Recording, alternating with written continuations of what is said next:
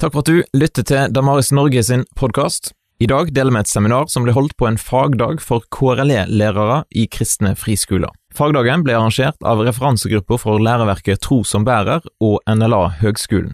I dagens seminar så får du høre Lars Dale, første amanuensis ved NLA Høgskolen og daglig leder i Damaris Norge, som utforsker hvordan vi kan forstå kritisk tenkning. Ja, det er jo tusen takk for invitasjonen til å komme hit. Det satte jeg veldig pris på. Eh, og eh, bare lyst til å si først at jeg har fått lov til å være med fra starten av med Damaris. Og det er et privilegium å få lov til å serve dere også. Eh, vi server jo også sant, videregående skolene. eh, Og vi server mange menigheter, mange enkeltpersoner. I løpet av to-tre dager så runder vår podkast Eh, Damaris Norge, f.eks. runder 100 000 nedlastinger. Eh, så det vi syns vi er litt kjekt, eh, at eh, det er så mange som sier at de setter pris på det. Så fikk jeg oppgave å snakke Jeg skal ikke bruke powerpoint i dag, for nå skal vi tenke sammen. Og Det kan jo være krevende på denne tida, og dagen etter lunsj og alt. Men temaet som er satt opp, er kritisk tenkning. Og jeg må innrømme at jeg vet jammen ikke om jeg har hatt et foredrag eller et innlegg om det før. Men jeg begynte å tenke på hva vet du, Lars, om kritisk tenkning? måtte jeg jo spørre meg selv. Måtte grave litt, og kom jeg på at um, Egentlig må jeg kanskje gå først tilbake til min oppvekst. Min far var veldig god til å stille meg spørsmål. Han kom i hvert fall når han var i god form så, og ikke var så stressa, så, så, så, stilte han ofte spørsmål i stedet for påstander. Og fikk meg til å bevisstgjøre meg på det. Og det tenkte jeg det var noe jeg har tatt med meg i livet som en veldig god ting. Jeg tenker Enten vi er i klasserommet eller er i en oppdrager eller situasjon ikke sant? i hjemmet eller hva det måtte være, så er det en god ting. Det sies jo at påstander kan lukke til men spørsmål kan åpne opp. Nå tror jeg vi trenger påstander også, men et samspill mellom det tror jeg er veldig viktig. Så fikk jeg en rimelig hard, gikk en rimelig hard skole når jeg tok min doktorgrad, base i Oxford. Jeg pleier å si at jeg tok det i Oxford, men det var ikke Oxford universitet. Men de høres mye bedre ut. Jeg var base i Oxford, eh, men det var Open University. Og han som var min veileder da, David Cook, var filosof. Det var jo en plage, for å si rett ut, å få manus tilbake fra han. For han hadde da i, i margen notert 'point?' spørsmålstegn. Hva var poenget med det jeg har sagt der? Aim, hva var det jeg sikta min på? Link, hva var forbindelseslinjen mellom det og det? Begging the question, sirkelargumentasjon. Og det verste kommentaren fra han var 'like a rabbit out of a hat'. ikke sant? Og da skjønte jeg, da hadde jeg ikke veldig mye å bringe eh, frem. Så uh, han lærte meg veldig mye, David Cook, og jeg er takknemlig for det. Jeg kommer riktignok å høre en skotsk stemme inni hodet mitt helt frem til jeg sannsynligvis ikke hører noe mer. Uh, men, men uh, det får jeg heller leve med. Så tenkte jeg i dag at vi skal gå gjennom såpass mye at det kan være lurt for dere å kanskje hjelpe fra dere andre til å dele ut. at jeg simpelthen har lagd et notat som vi kan sykle oss igjennom litt. Jeg vet ikke om dere oppdaga en, eh, en ny ordbok eller lærebok på nettet som heter Norske Akademiens ordbok. Naob.no. Lansert i fjor. Det var utgangspunktet i den gamle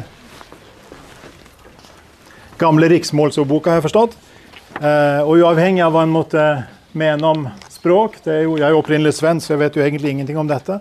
Om bokmål og nynorsk. Jeg vokste opp i i lykkelig uvitenhet frem til jeg var 17-18 år. Ehm, så, så, eh, men det er en fantastisk sted. Jeg vet ikke, Du har brukt det litt, ja?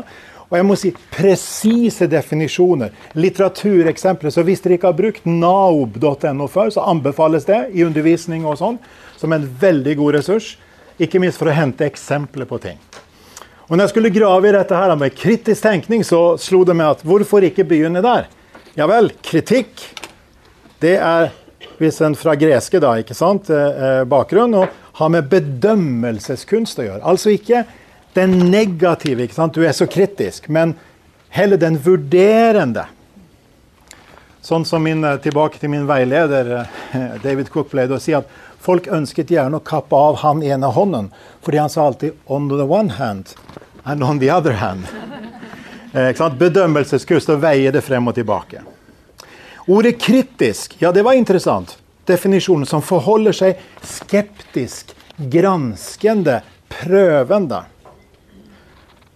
Og til og med tenkning var interessant å se på. For det er både en, altså, det, er på en måte det som skjer i oss ikke sant, fysiologisk når vi tenker, men også tenkemåte. Altså hvordan tenker vi? Og Da prøvde jeg å sette sammen det til en granskende og prøvende tenkemåte. Som dere altså ikke finner i NAOB, men som var mitt forsøk på å oppsummere de ulike. Det er interessant. Altså det er på mange måter ikke det tilbakelente, men heller fremoverlent i forhold til innhold. Til å granske og prøve, og til å spørre er det hold i dette her. Leser en mer om dette rundt forbi, så finner en at, at kritisk tenkning er av normativ art. Altså det er ikke bare beskrivende, det er vurderende. Og det inneholder både ferdigheter, f.eks. logikk som, er, som står i neste linje. ikke sant? Det inneholder også holdninger. En holdning til altså det å være eh, utforskende, f.eks. Det å være ikke ta altfor god fisk.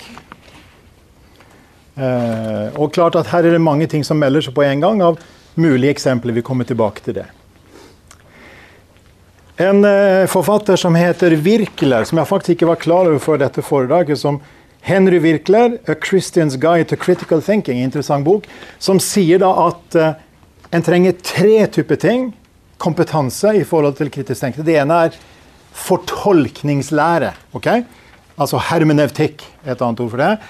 Uh, og så en vitenskapelig tenkning. Hvordan fungerer ethvert fag, f.eks.? Hvordan, hvordan fungerer forskjellen på, på naturfag eller samfunnsfag eller humanistiske fag? Og, Forståelsen for det eller andre typer kunnskapsområder. Og for det tredje, hva er logikkens regler for gode argumenter og for dårlige argumenter? Og det er slett ingen dårlig kobling av de tre der. Eh, I overordnet del litt tidligere, det skal vel stå læreplanverk. Er, ikke, det er ikke min sterke side å vite forskjellen på læreplan og læreplanverk. Det er ikke, altså, ikke Den gamle overordna delen, der sto det sånn Kritisk tenkning innebærer å prøve om forutsetningene for og de enkelte ledd i en tankerekke holder. Syns ikke det var dumt i hele tatt, jeg. Eller kanskje var det faktisk bra? Altså forutsetningen for det som ligger bak og under, ikke sant? Og argumentasjonsrekken. Begge deler. Og det tenker jeg veldig ofte så vil den kritiske tenkningen eh, som skjer i samfunnet generelt, være mest opptatt av rekkefølgen, det som er innholdet i det. Mens vi i vår sammenheng i kristen skolevirksomhet også vil være opptatt av å, å, å heise høyt, opp, løfte høyt, på, sette på agendaen. Hva ligger bak? Hva er forutsetningene? På hvilken måte spiller, som vi kommer tilbake til, livssyn inn? Så kunne vi, før vi går videre, vi kunne jo nå også spurt oss hva er koblingen til kristen tro på det mest grunnleggende planet her? Og én kobling er opplagt når Jesus i Johannes 1 presenteres som logos, som ordet. Som eh, Dere vet kanskje at logos var det, det ord som ble brukt, eh, eller begrepet som ble brukt om verdensfornuften i gresk tenkning. Så Jesus er altså oppfyllelsen av det mest grunnleggende i tilværelsen. Og fra, fra logos har vi selvsagt fått, fått det logiske, ikke sant? tenkemåten. Eller vi kunne gå til Kolossebrevet, om at i ham holdes alt sammen. Kolossebrev 1, 17. Eller Kolossebrev 2, 6, om at i ham er all Husker du det? I ham. Ikke sant? Hvis vi begynner å tenke på hva det betyr, så betyr det altså at, at Gud, Jesus som Guds sønn, har i seg all visdom og kunnskap. Og det som vi gjør, vi tenker egentlig hans tanker etter han. Etter Gud. Sant? Det var jo et veldig sentralt, eh, sentralt tanke i reformasjonen. At den en naturvitenskapsmann som går ut i naturen og undersøker, oppdager, tenker Guds tanker etter han.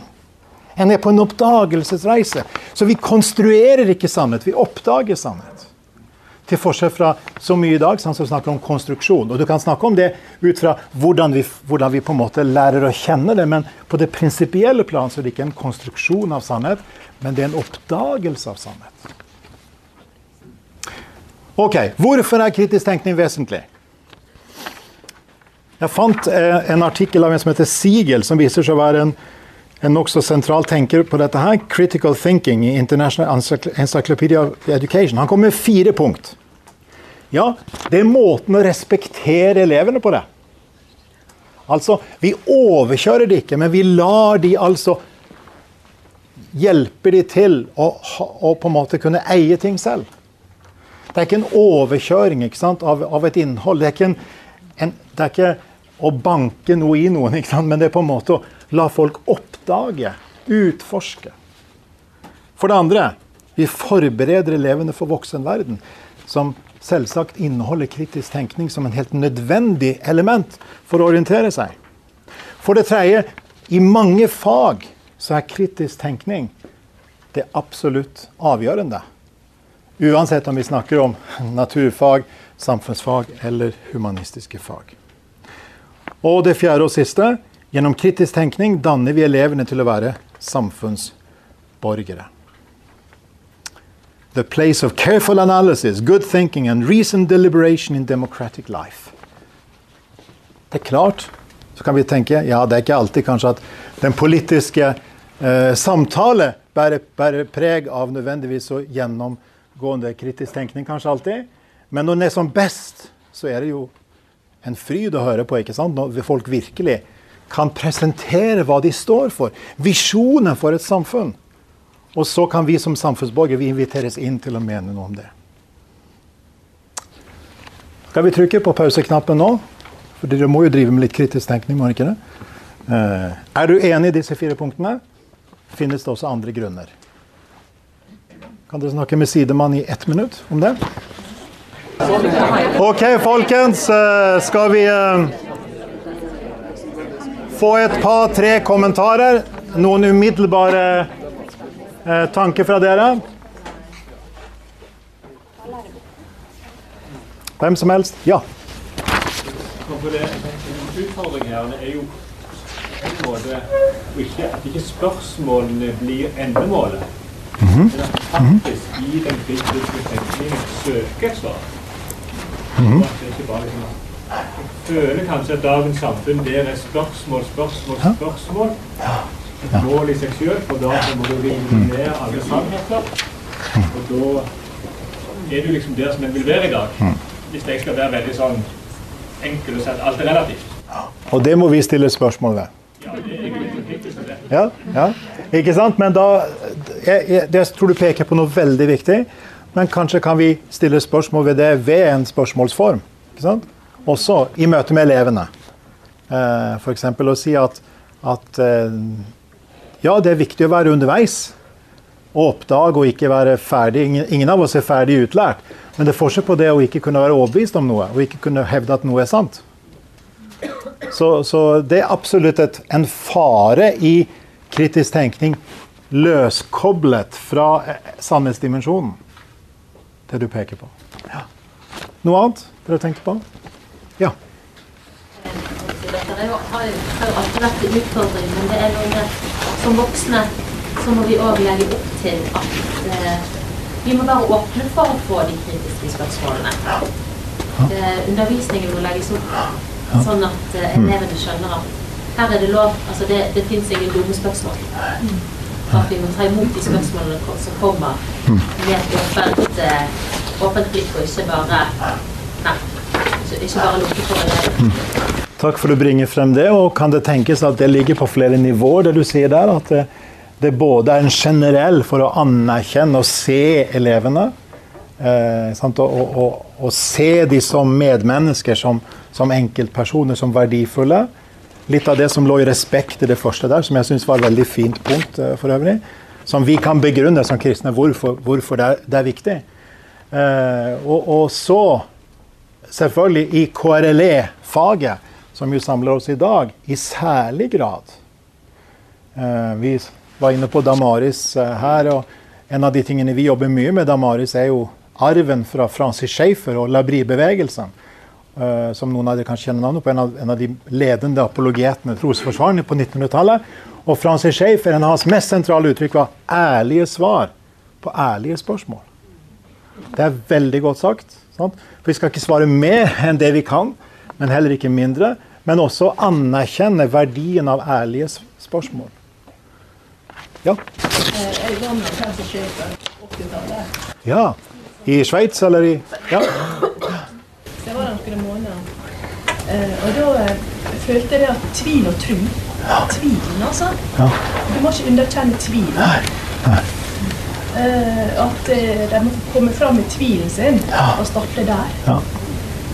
Så jeg tenker at den kritiske tenkinga der er tvilen, altså. Absolutt.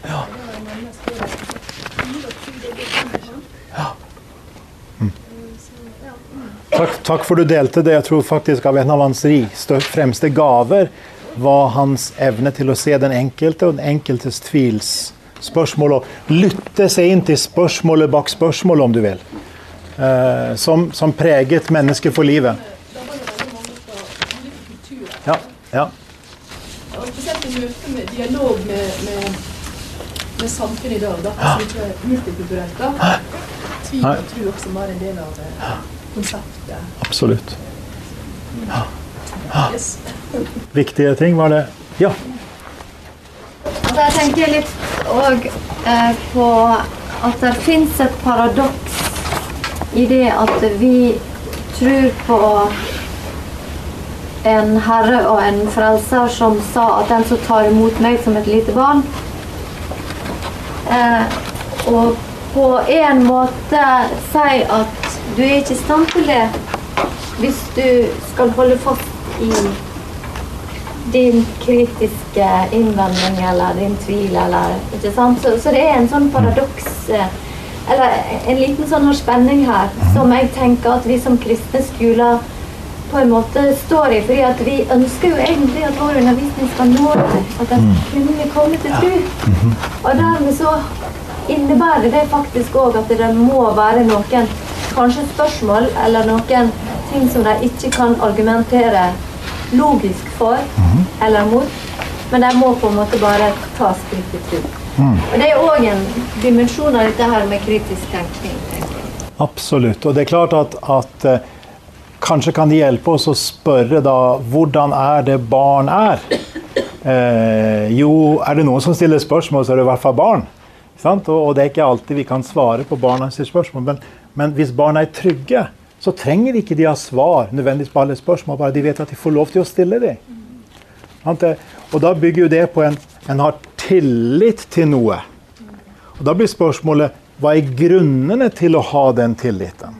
Så selv om det ikke er alt vi verken kan finne ut svaret på, eller vi kan eh, vite noe om, så vet vi hvorfor vi tror på det vi tror på. Sammenlign kollega Stefan Gustafsson 'kristen tro god, med god grunn', ikke sant? eller 'på gode grunner' på originalspråket. Eh? Det, det er noe viktig i det. Men, men det betyr jo ikke at vi skal gjøre det forenkla på en gal måte, eller gjøre det utilgjengelig. Eller? Vi har den, den lengselen i at de skal, de skal, det skal bety noe for dem personlig. De skal komme til en erkjennelse av at dette er noe som gjelder de. Men, men det å tenke at barn har en tillit, og den tilliten bygger på at det er noe som er troverdig Forhåpentligvis sant? foreldrene. En har en, en relasjon til de her. Ja. Ja, det var utspill i litt i samme gate. Altså kritisk tenkning i forhold til når da våre elever fra ungdomsskole, videregående går over i høyskoler. Eh, relaterer mye til det du nevner med Stefan Gustavssons og dine også, dette med apologetikken da, og behovet for det. Det er klart, det som blir sagt er jo annet at, eh, at i mye av undervisningen også i skoler så blir på en måte kristen tro tatt for gitt. Altså at eh, det er underforstått. Ja.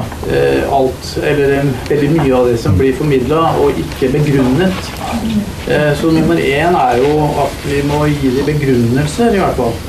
Og så kommer det jo spørsmål som er knytta til begrunnelsene. Eh, for hvis de ikke lærer seg å da stille spørsmål og reflektere over disse tingene på f.eks. våre kristne skoler, så blir det jo, som også disse eh, som Stefan Gustavsson og, og andre viser til, så blir det, og statistikk viser også, da, at man da i møte med annen tenkning da, eh, på høyskole, så blir man veldig fort eh, slått over ende.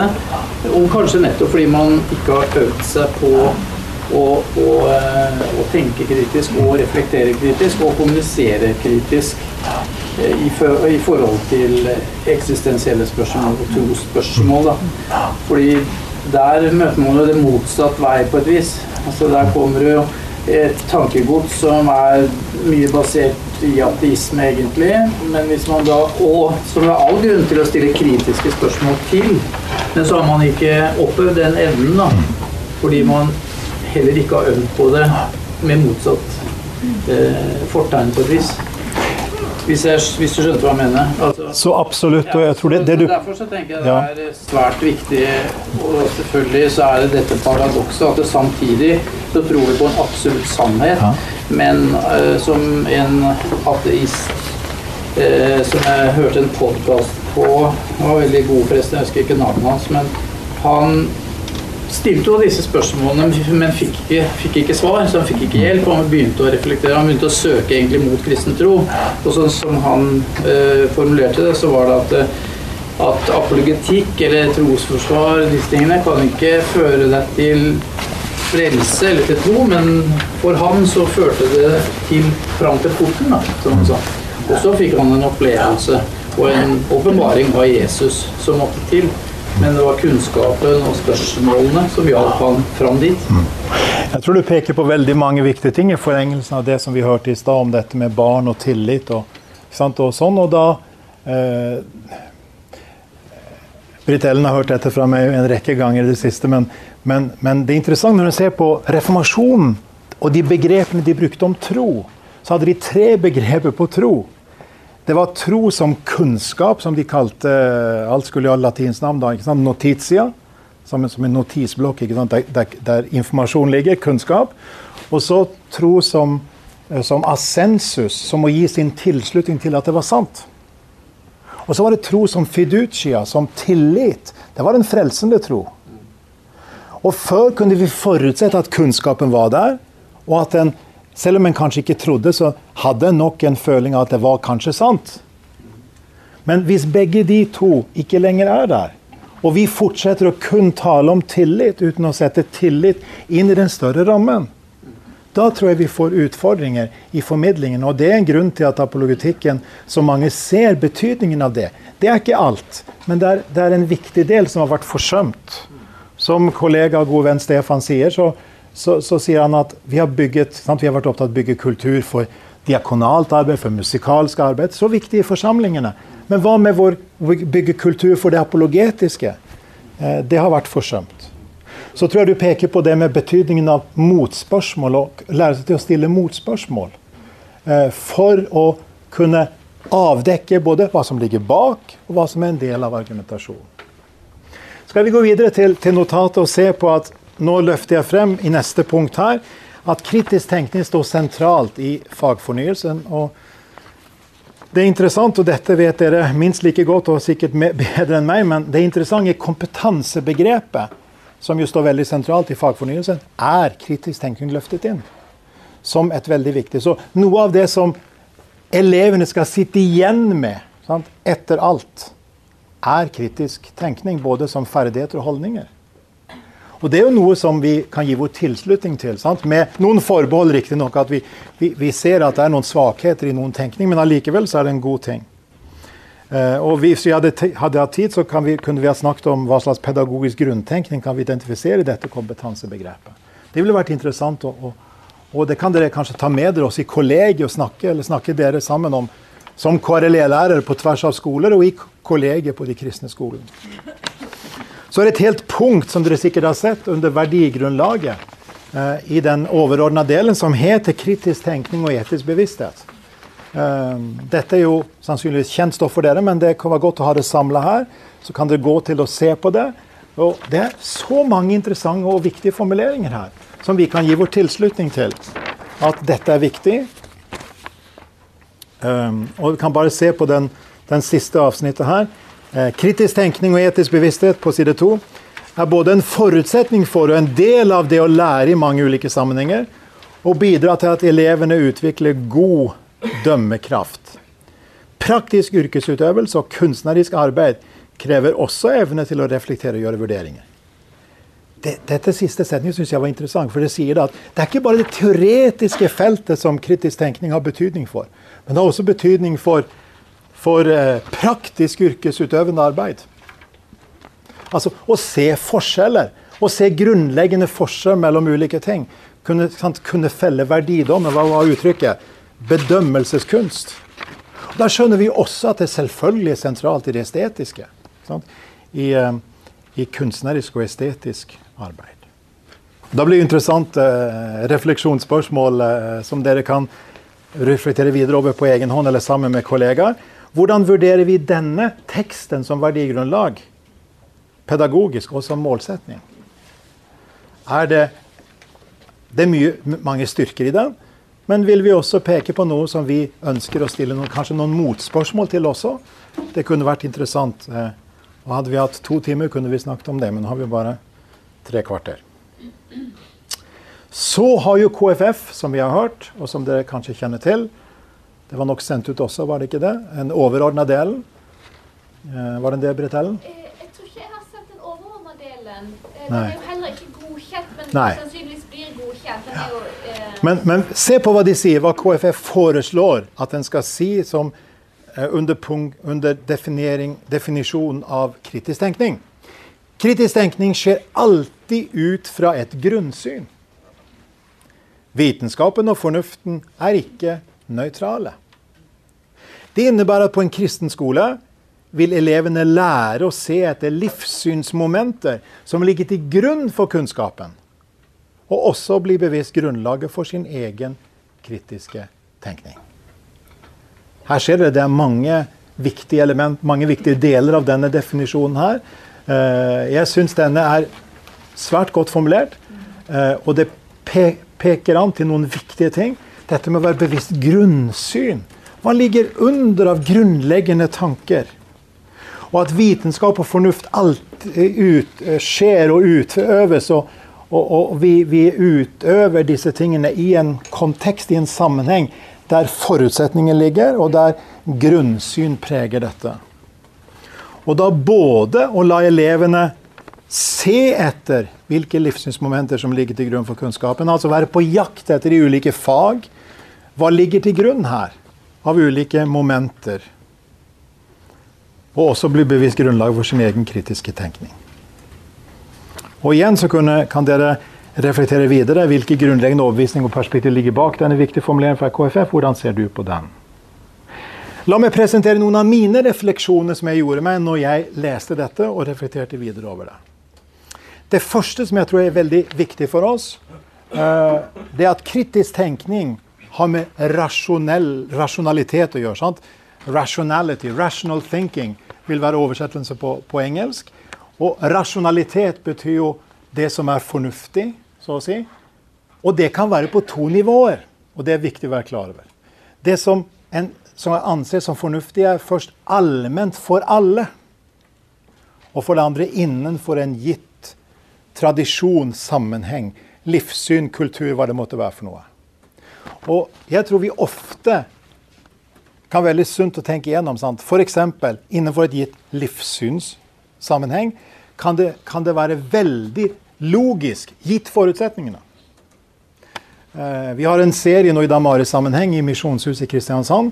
Kollega Bjørn Hinderaker og jeg om eh, tvilere som ble ateister. Hva kan vi lære? Vi hadde om Marx her eh, først, og skal gå videre til Nietzsche og noen andre. På onsdag neste uke så er det Nietzsche. Eh, og, og eh, Marx, ja, helt opplagt at det marxistiske system, gitt forutsetningene, er ekstremt logisk. Men det betyr ikke at det nødvendigvis er, er sant.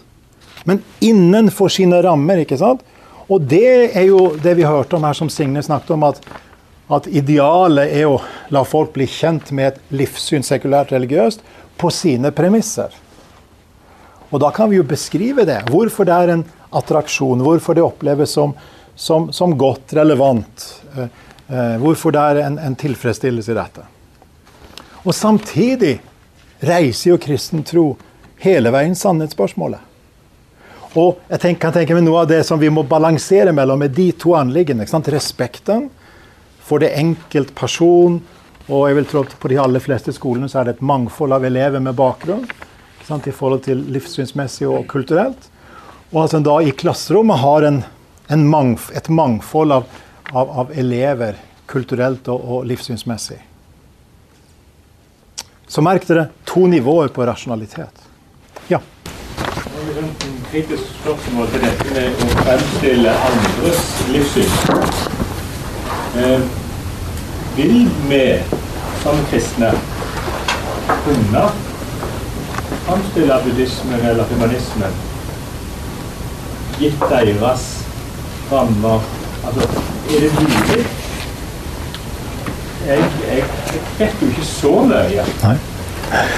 Ka ja. Er det en utopi at vi skal Jeg tror det er en utopi at vi kan gjøre det på en Vi kan ikke gjøre det innenfra, men vi gjør det utenfra. Vi kan ikke gjøre det uttømmende, men vi gjør, kan forhåpentligvis gjøre det saksvarende. Sånn? Og huske på forskjellen mellom om det er innenfra og utenfra, utenfra eller om det er sant, noe som som Vi kan aldri beskrive noe, noen ting uttømmende, selvfølgelig. Sant? Det er alltid noe igjen å oppdage. Men særlig når ikke vi er en del av det. Og da, da syns jeg det er helt kurant at vi sier det. At, at uh, vi, lærebøkene Det vil være henge av hvem som har skrevet lærebøkene, selvfølgelig også. Eh, hvorvidt de vil ha evne til å beskrive kristen tro. Hvis en da ikke har våre egne lærebøker sant, men andres uh, allmenne. Det vet vi jo. Utfordringen. Ja? bare reflekterer litt rundt for jeg har noen elever som ikke er fra Norge. Ja. Du var fra Sverige. Ja. Hvis du var fra Afghanistan nå, hadde du lært Gud å kjenne da? Jesus og Gud? Hvis du var oppvokst i Afghanistan? Eller Syria? Libanon? Svanen. Eh, så, så, det er litt kulturelt betinget, egentlig. Ja. Er du enig i det? Eh, ja, altså det spørs hva vi mener med å lære å kjenne. Ja, hadde du vært kristen, hadde du vært oppvokst i Afghanistan? Ja, nei, det selvfølgelig, det finnes kristne der òg, men, men, prosentuelt, statistisk sett, var det usannsynlig. Ja. Eh, samtidig så, så, som kristne sier vi at alle mennesker har Gud som skaper, slik at alle mennesker har en anelse om Gud som skaper. I den forstand ikke et frelsende kjennskap, men en anelse om at det er noe mer. En anelse om kanskje om noe som har med menneskets stilling i forhold til, til Gud. Ja. Veldig. Ja. Det, er et utfordrende spørsmål. Ja. ja. Hvis du nå kommer fra Syria, hva religion har du med deg da i bagasjen? Ja. ja. Og jeg kommer ikke fra Syria, og jeg har en annen ja. religion i bagasjen. Ja. Så den dynamikken der tror er veldig spennende i dagens samfunn. Ikke sant. Ja, jeg skjønner hva du mener. Og da, da, tenker jeg, da er du på dette, de ulike tradisjonene ikke sant, innenfor det. Og det er legitimt. Det er legitimt. Og så tenker jeg for i en kristen eh, skolesammenheng så vil vi ønske likevel å ha mulighet til å gå litt ekstra ikke sant? og si at i kristen tro så, så sier vi sånn og sånn. Du trenger ikke være enig i det, men det er sånn vi tenker. Ikke? Eh, ikke som en, en, nedvurdering, men som en, en, å bli kjent med kristen tro igjen. betyr det. Men jeg tror dette er sikkert en balansegang som er vanskelig i det praktiske liv til, til, å balansere mellom de to nivåene der. Det er jo det. Livet er ikke nødvendigvis enkelt, men det, det er jo ikke bare det enkle som er det meningsfylte heller. da. Det er ikke det. Ok, videre. Kritisk tenkning preges av at verdi- og livssynsnøytralitet er en umulighet. Det er jo noe som vi virkelig trenger å løfte opp. ikke sant? At, at alle har en tro. Alle har et livssyn. Uh, og at det de som går studie kommunikasjon livssyn hos oss, uh, de får høre det at alle har et livssyn. Det er ikke bare de som får høre det, men de får i hvert fall høre det. Eh, men det, klart, det mangler nøytralitet. Det er jo både det at ingen budskap, tekster som kommer til oss utenfra, er nøytrale. Og ingen mennesker er nøytrale. Slik at både budskapene vi møter i mangfoldet rundt oss, og menneskene, oss selv og andre, Vi har alle et ståsted.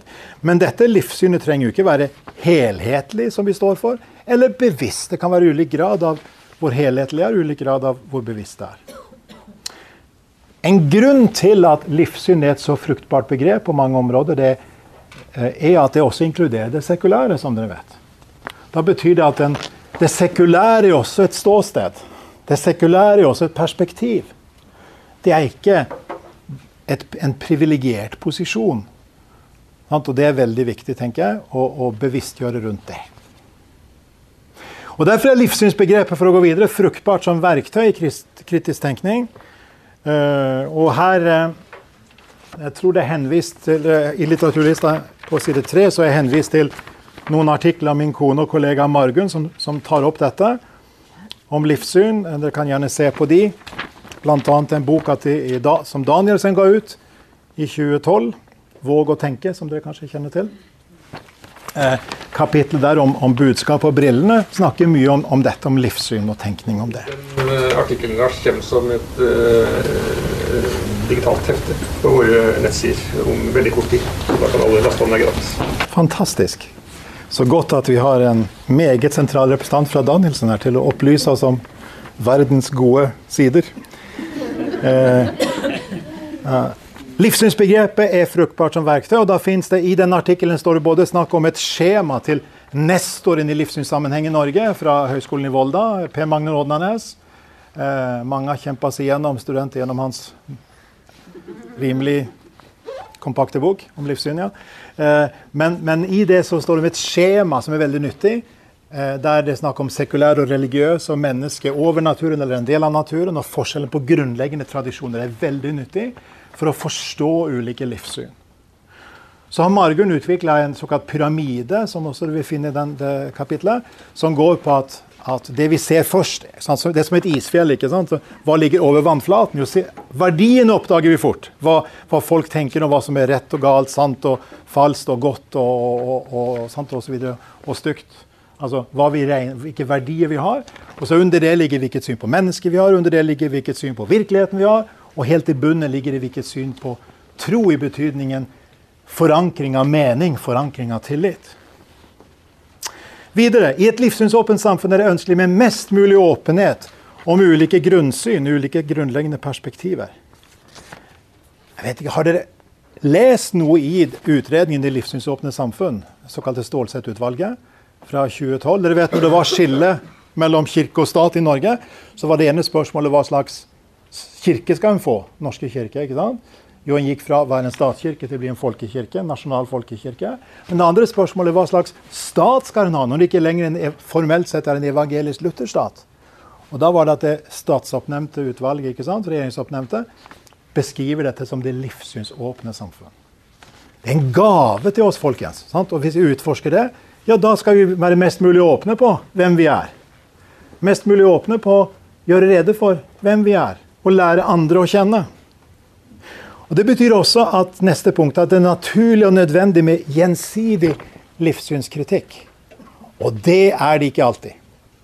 Et eksempel på der det ikke er det, i religion og etikk, faget i tredje år i læreplanen, kjenner dere til det, selv om dere er på et annet trinn, så er det jo fire deler, hvis jeg husker rett, og et av delene heter ateisme og religionskritikk. Helt kurant at det er det. Men du finner ikke noe annet som heter sekulær, kritikk av det sekulære. Så det er på en måte ensidig religionskritikk ene veien, ikke sant? og ikke kristen tro eller andre religiøse livssyn sin kritikk av det sekulære. Og det skapes en veldig stor ubalanse. Så vær klar over den mekanismen at vi trenger å balansere det med, med, med sunne motspørsmål. Vi går videre til neste side. Kristen tro som livssyn er et legitimt utgangspunkt for kristen tenkning og refleksjon. For kritisk tenkning og refleksjon. Eh, og da kan vi f.eks. uttrykke oss slik at vi da både tar utgangspunkt i kristen tros rent dogmatiske innhold ikke sant, i de tre trosartiklene. Hva betyr det at Gud er skaper? Vi reflekterte litt sammen over det i stad. Hva betyr det? Eh, hva betyr det at Gud er er frelser? Hva betyr det at Gud er eh, Hellig Ånd som fornyer og livgiver? Hva betyr den store fortellingen Skapelse, syndefall, frelse, fullendelse. Hva betyr det for forståelsen av virkeligheten? Forståelsen av mennesket? Og hva betyr det om det kristne livssynet som en levemåte? Jeg bare ga stikkordene her luthersk kalsetikk. Og uavhengig av vår bakgrunn er luthersk eller ikke, så har Martin Luther gitt oss en fabelaktig gave i tanken om at hele livet er et kall og en tjeneste for Gud som en sånn felles reformatorisk eie i evangelisk kristen tro. Eh, og så har vi selvsagt Kristi etterfølgelse. Imitatio Christi, som de gamle snakket om. Her finner vi altså en rekke ting som vi kan reflektere videre over. Og som egentlig er utgangspunkt i disse tre linjene fra KFF. Kritisk tenkning skjer alltid ut fra et grunnsyn. Vitenskapen og fornuften er ikke nøytrale. Det innebærer at på en kristen skole vil elevene lære å se etter livssynsmomenter som ligger til grunn for kunnskapen, og også bli bevist grunnlaget for sin egen kritiske tenkning. Så kan du reflektere videre i hvilken grad du er enig i disse refleksjonene. Kan dere gå til side fire? Jeg vet ikke om noen av dere er kjent med Anne Schjelderus bok 'Kritisk tenkning i klasserommet'. Noen har kanskje sett på den. Uh, hun er da inspirert av Sokrates og dette med å stille spørsmål. ikke sant? Og det å, å bruke samtalen som pedagogisk verktøy til å få elevene til å bli bevisst hva de, hva de, sier og hva de tenker om ting. Og Her tok jeg noen utdrag fra, fra et vedlegg her som heter 'Tips til samtalelederen'. Altså læreren som den som leder samtalen, uansett tema, om det hele. Og da må vi selvsagt, det som du eh, pekte på, eh, eh, Reidar, at eh, vi må huske på at vi kanskje ønsker å legge til noen, dim noen dimensjoner og reflektere over det. Men det, det, er veldig interessant og nyttig her. Husk å stille utdypende og problematiserende spørsmål, slik at premissene for påstanden kommer frem i lyset. At begrepene nyanseres, og at argumentasjon bygges opp og felles forståelse utvikles. Så kommer det noen grunnprinsipper som faktisk er veldig gode.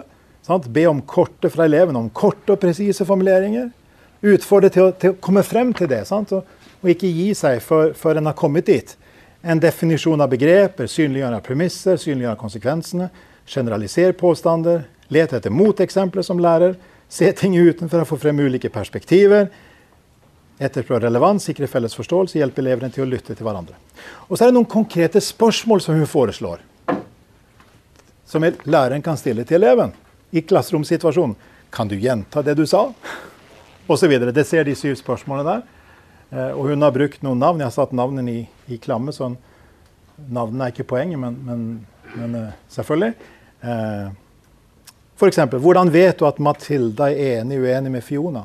Det er jo et godt spørsmål. At Hvis en på en måte forutsetter at en vet om hva en person har sagt, får få frem dette eh, Og hva har vi funnet ut så langt? Det spørs om ikke dette er tror det skal brukes med skjønn, selvfølgelig. Det skal alltid gjøres. Men det kan være en gave. Jeg er sikker på at mange av dere allerede gjør det i vi gjør det på en måte kanskje automatisk nesten sant, i, i situasjonene. Men det å utvikle den siden av oss selv som pedagoger, tror jeg kan være veldig nyttig og meningsfullt. Og være noe som, som kan føles som, som, en videreutvikling av vår, vår uh, tilstedeværelse i klasserommet. Side tre igjen. Uh, så ser dere at her er satt opp noen anbefalte ressurser. Uh, mange av dere vil være kjent med den videoserien som vi produserte, eller har produsert sammen med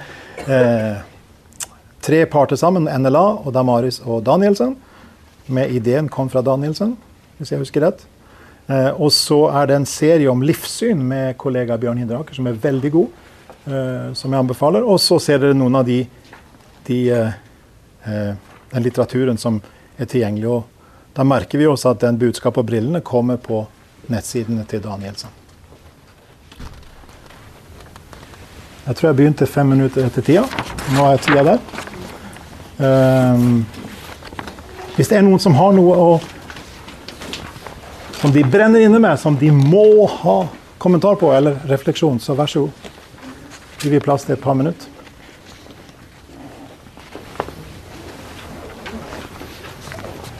Ja. Bare en kommentar.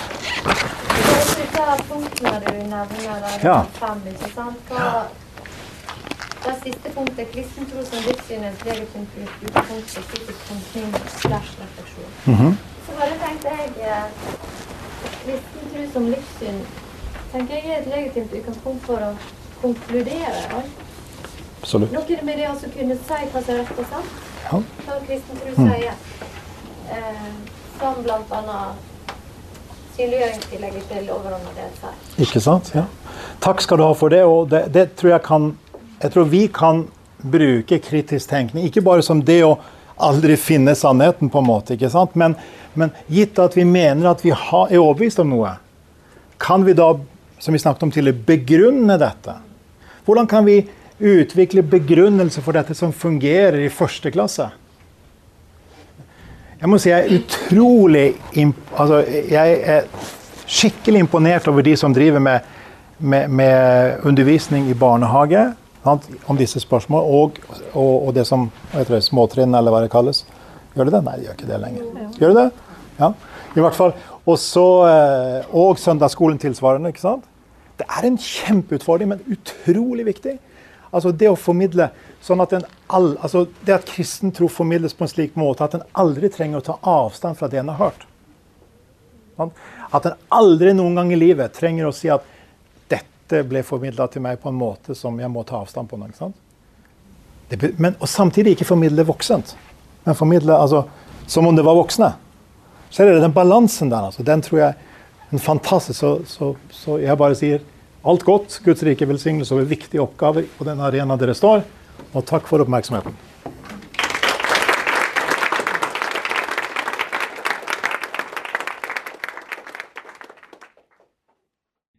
Er du en lærer på en kristen friskole? Da anbefaler vi nettressursene som du finner på damaris.no skole grs eller damaris.no skole vgs. Du finner så klart eh, lenkene i podkastbeskrivelsen. Og setter du pris på podkasten til Damaris Norge, og har du lyst til å støtte arbeidet vårt, da kan du gå til damaris.no. Der finner du informasjon om hvordan du kan gi en gave til arbeidet vårt. Det er òg helt fantastisk hvis du har lyst til å tipse andre om podkasten vår, sånn at enda flere får med seg de gode ressursene som vi deler her.